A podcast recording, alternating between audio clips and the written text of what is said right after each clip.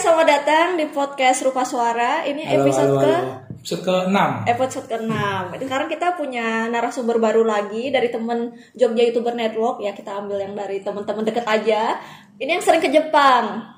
Wah, Ya, karena kan ini ya, Mas Dion bekerja di bidang tour and travel Jepang. Iya, jadi bisa ke Jepang itu ya se- setahunan ya. Setiap hari ya, Mas? nggak setiap bulan. Oh, setiap bulan. Dan kali ini kita podcast nggak ini ya, nggak secara online, tapi kita udah berani untuk ketemu, tapi masih jaga jarak satu meteran.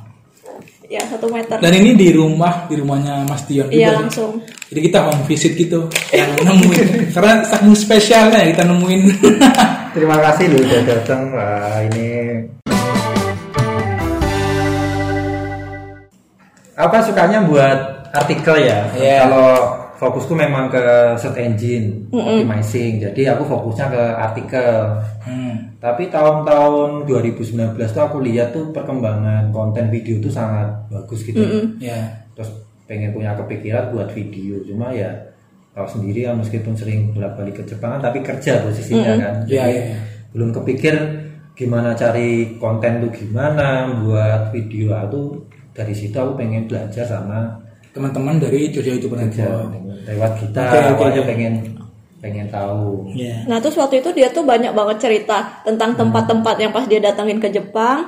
Salah satunya juga eh, pengalaman hantu Jepang. Mungkin Mas Dion bisa ngejelasin dulu kali ya, gimana prosesnya dulu kok bisa jadi tour travel Jepang itu gimana Mas? Eh, awal mulanya nggak kepikir buat tour travel sama sekali sebenarnya ya. Jadi terus? awal mulanya itu aku kerja di agensi, agensi namanya Brand Indonesia itu waktu Tahun berapa itu Mas? tahun 2013 lah ya. 2013 di agensi. 2012 lah ya, Uh-uh. di situ. Nah itu eh, suka handle corporate corporate kayak Indosat apa itu, tapi ke digital marketingnya saat itu baru rame-ramenya tuh Twitter ya. Hmm, Iya, iya, iya, iya. Hype kan Twitter kan dulu belum seperti Instagram sekarang. Iya. Twitter dulu, terus habis itu kita handle website. Nah, akhirnya terus eh, di tim brand Indonesia itu ada membuat divisi konten traveling awalnya. Oh. Lalu namanya pengen liburan pengen liburan.com. .com Oh, karena anak-anaknya pengen liburan tapi nggak liburan kita buat pengen liburan.com nah itu istilahnya mimpi pengen liburan Itu awalnya. official ya berarti? Official itu sih akhirnya berkembang akhirnya eh, aku buat blog-blog kecil lah blog-blog kecil Oh, oh, kayak ya blog-blog pengetahuan Iya. tentang Jepang gitu loh Oh dulu juga eh, sebelum ada YouTube aku memang lebih suka baca blog juga. Oh, sama. ada gambar, ada ceritanya. Iya, iya. itu kan dulu sudah bagus banget kan foto dan artikel kan Mm-hmm. awalnya itu 2013 aku masih ingat Eh, akhirnya aku sering buat artikel meskipun belum pernah pergi ke Jepang cuma suka baca artikel-artikel Mm-hmm. apa tempat wisata Berarti wawasanmu selama ini cuma dari artikel-artikel lain Iya, yang baca. uh, iya Pri. Jadi awalnya tuh cuma aku pengen gambarin aja, pengen seolah-olah ke sana tuh seperti apa itu. Iya. Aku lebih fokus ke bukan culture-nya ya, maksudnya Mm-hmm. tempat wisatanya Iya. dulu karena aku sering bahas tempat wisata. Akhirnya websiteku, blogku tuh Rame. rame. Mm-hmm. Tahun 2014 kalau nggak salah sekitar 2015 itu trafficnya udah seribuan itu per Oh. hari. Nah, itu, Per hari Mas seribu. Iya per hari. Hmm, Terus? Waktu itu kan nggak banyak yang bahas. ya. Hmm. Ah, rame banyak pertanyaan yang dari blog-blog tuh dia nanyain ada paket nggak mas Mm-hmm. Iya. ada paket nggak ke Jepang akhirnya dari situ aku mulai belajar eh, tour travel tuh apa Iya. dari situ ya terus akhirnya aku nyerahin eh, aku nyari kontak eh, anak-anak di Jepang. Yang kebanyakan mereka kan part time ya jadi guide di Jepang tuh part time dari situ eh, berjalan aku serah terimain klien-klienku. Iya. Nah, jadi klien-klienku dihandle oleh mereka yang sudah posisinya di Jepang. Dari situ aku belum berpikir bisnis sebenarnya dari situ. Masih ya mereka bilang mas kalau ngasih job segini nanti masnya ke klien segini. Oke lah. Tapi dari perjalanan itu eh, tiba-tiba ini eh, klien itu membawa rekomendasi dari teman-temannya maksudnya Oh, ja- Ngajakin. klien yang lama. Ya. Oh, iya, iya, itu iya. ngasih re- rekomendasi. Ngajak teman-temannya eh, untuk gabung ngajak, nih. Itu kontak ke Dion. Jadi kebanyakan langsung kamu.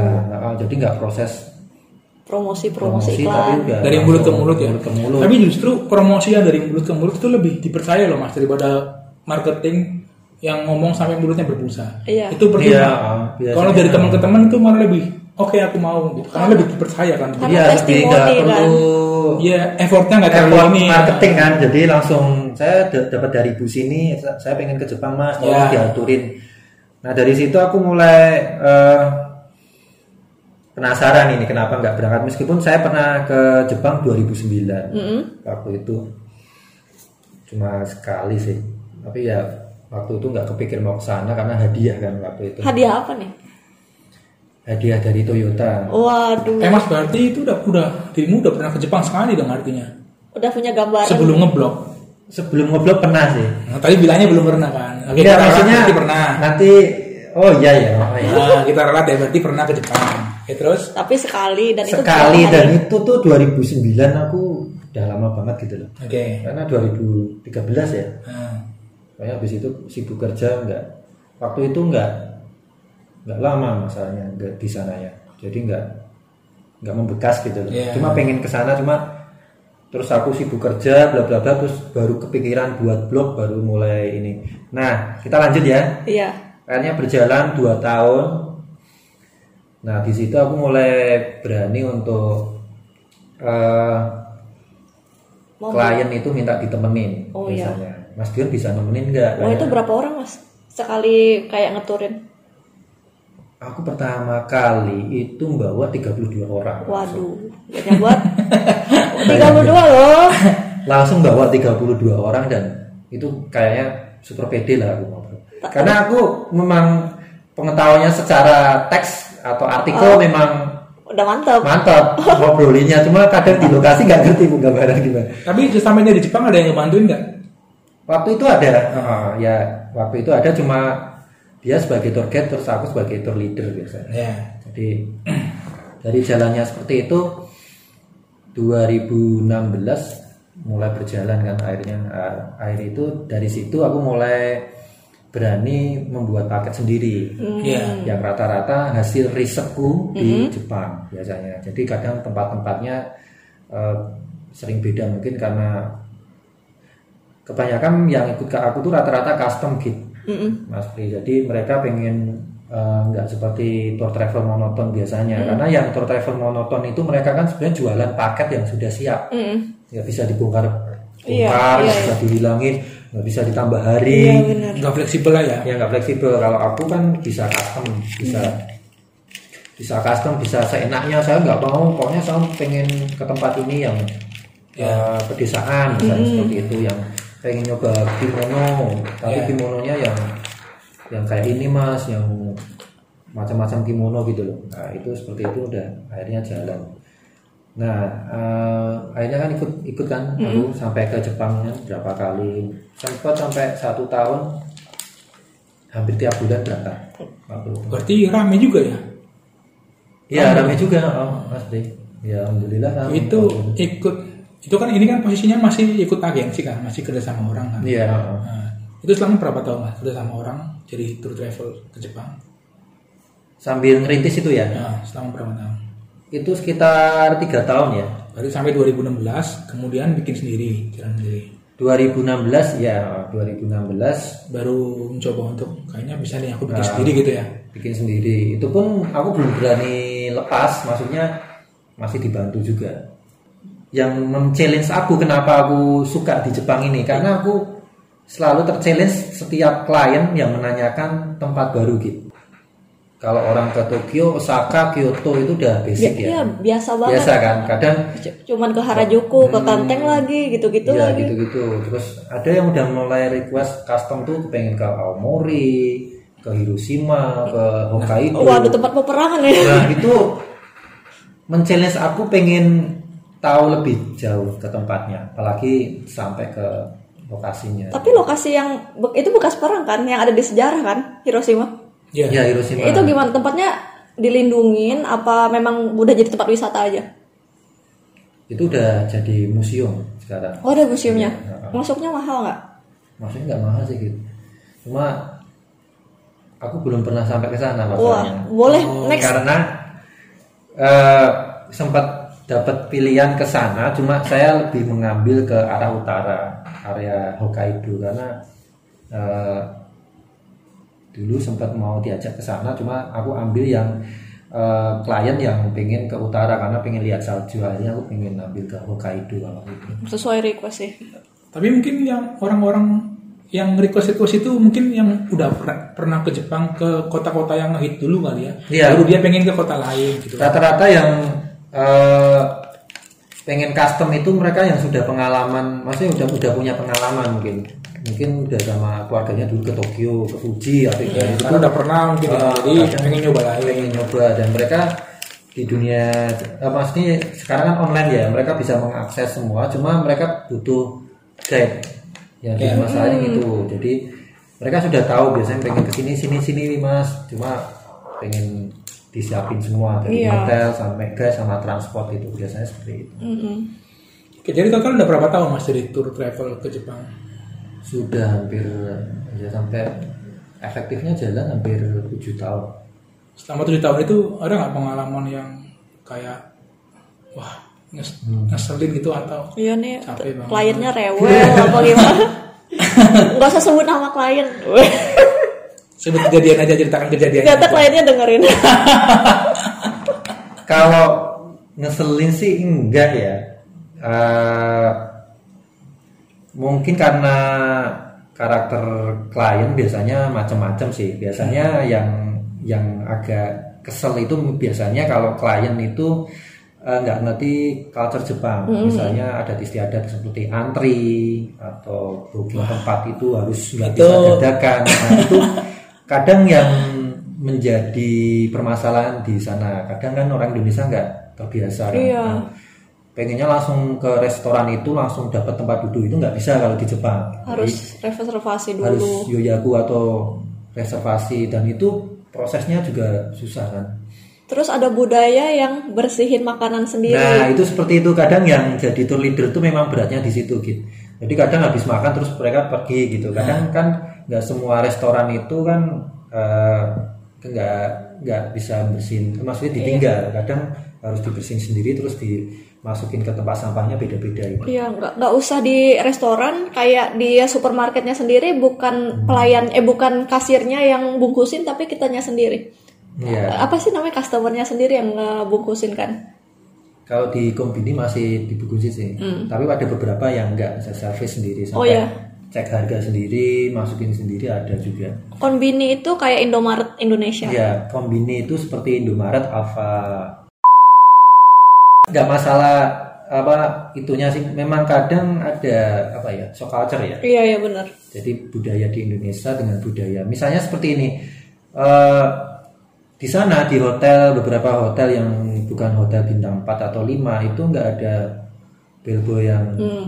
nganterin yang bawa koper sampai ke kamar. Iya. Kalau di Jepang nggak ada itu. Berarti kita harus bawa sendiri ya. kadang miss missnya di situ kebanyakan kalau di Indonesia kan bintang tiga pun ada yang Masih bawa ya, masih mau dilayani masih dilayani kita Iya, iya.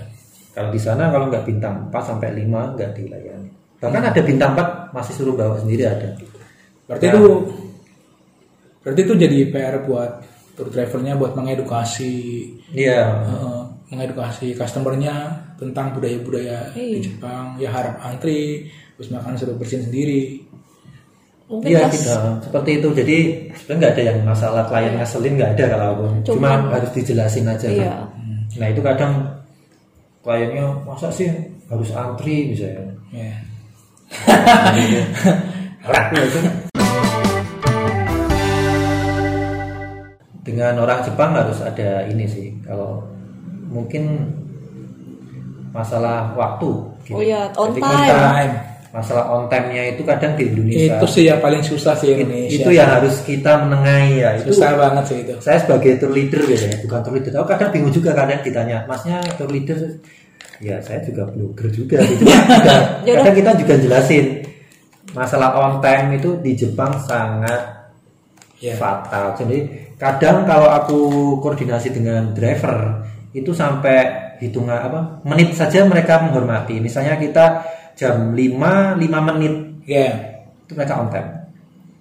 Nah, Indonesia. yang susah itu kalau orang Indonesia adalah molor kalau belanja, terus Iya. kadang nggak on time aja, Iya, kadang iya. yang jadi stres orang Jepangnya Itu sih. dia. Nah, kadang kita harus jelasin, jelasin bahwa maaf ini telat gini-gini. Nah, makanya aku kadang meriset masalah waktu untuk ngasih apa ya? Space waktu. waktu. Jadi misalnya kita mau ketemu jam 9 ya aku udah woro-woro jam 9 kurang 15 menit. Hmm, Kalau biasanya sih gini mas, kalau misalnya harus berangkat jam 9 ya bilang aja dari jam 7 jam 7 kita berangkat gitu.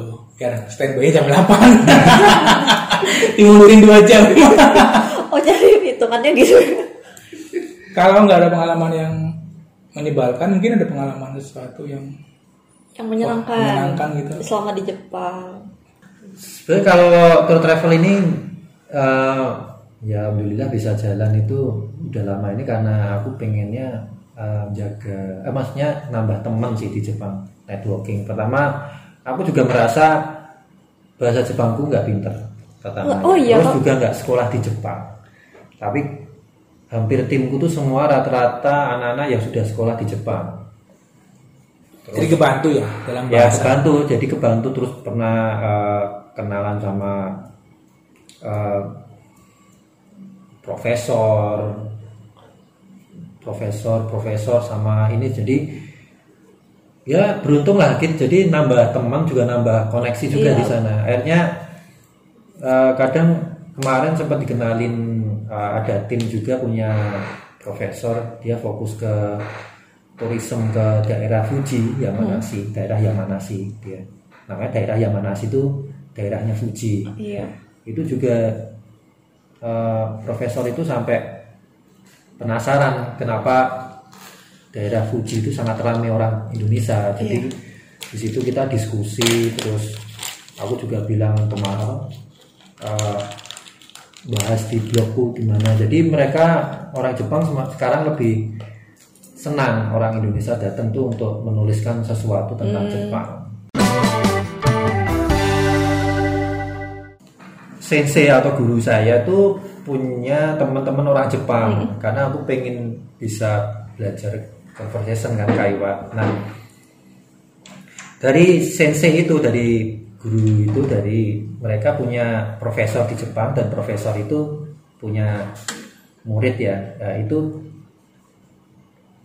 seperti itu gitu. Jadi eh, perkenalanku tuh dengan orang Jepang tuh melalui profesor-profesor. Jadi eh, mereka tetap jadi ada Barriernya tapi bukan barrier apa ada As- eh, batasan batasan oh ya batasan, Nah, batasan. dan orang Jepang itu yang sudah tinggal di, Jep- di Indonesia dengan di Jepang itu pasti punya dua akun akun akun IG aja punya dua Oh, yang iya? khusus untuk Indonesia dan khusus untuk Jepang. Oh, iya. aku baru tahu setelah itu. Karena apa ya? mereka membatasi privasi. Oh gitu.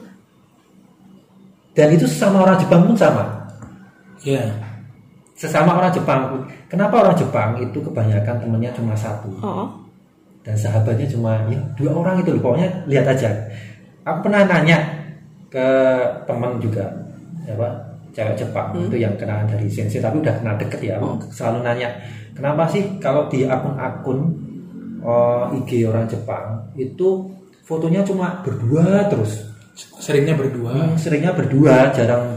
Kalau orang Indonesia kan tiap ketemu orang oh, langsung foto upload foto kayak jadi orang Jepang bilang temenmu banyak banget ya ini orang Jepang ini berdua dalam arti berdua dengan orang yang sama terus gitu ya. Iya orang sama terus makanya aku sempat nanya tapi karena udah deket dia ngomong ya orang Jepang tuh memilih sahabatnya pun dari mulai SMP dari kecil dia tuh udah milih Jadi kalau kamu lihat anime itu bener-bener gak bohong. Di anime itu kadang satu kelas dia hanya deket satu dua orang aja itu Oh, benar. oh pantesan di, eh, Nobita sama Doraemon, Suneo sama Giant Ya, ya.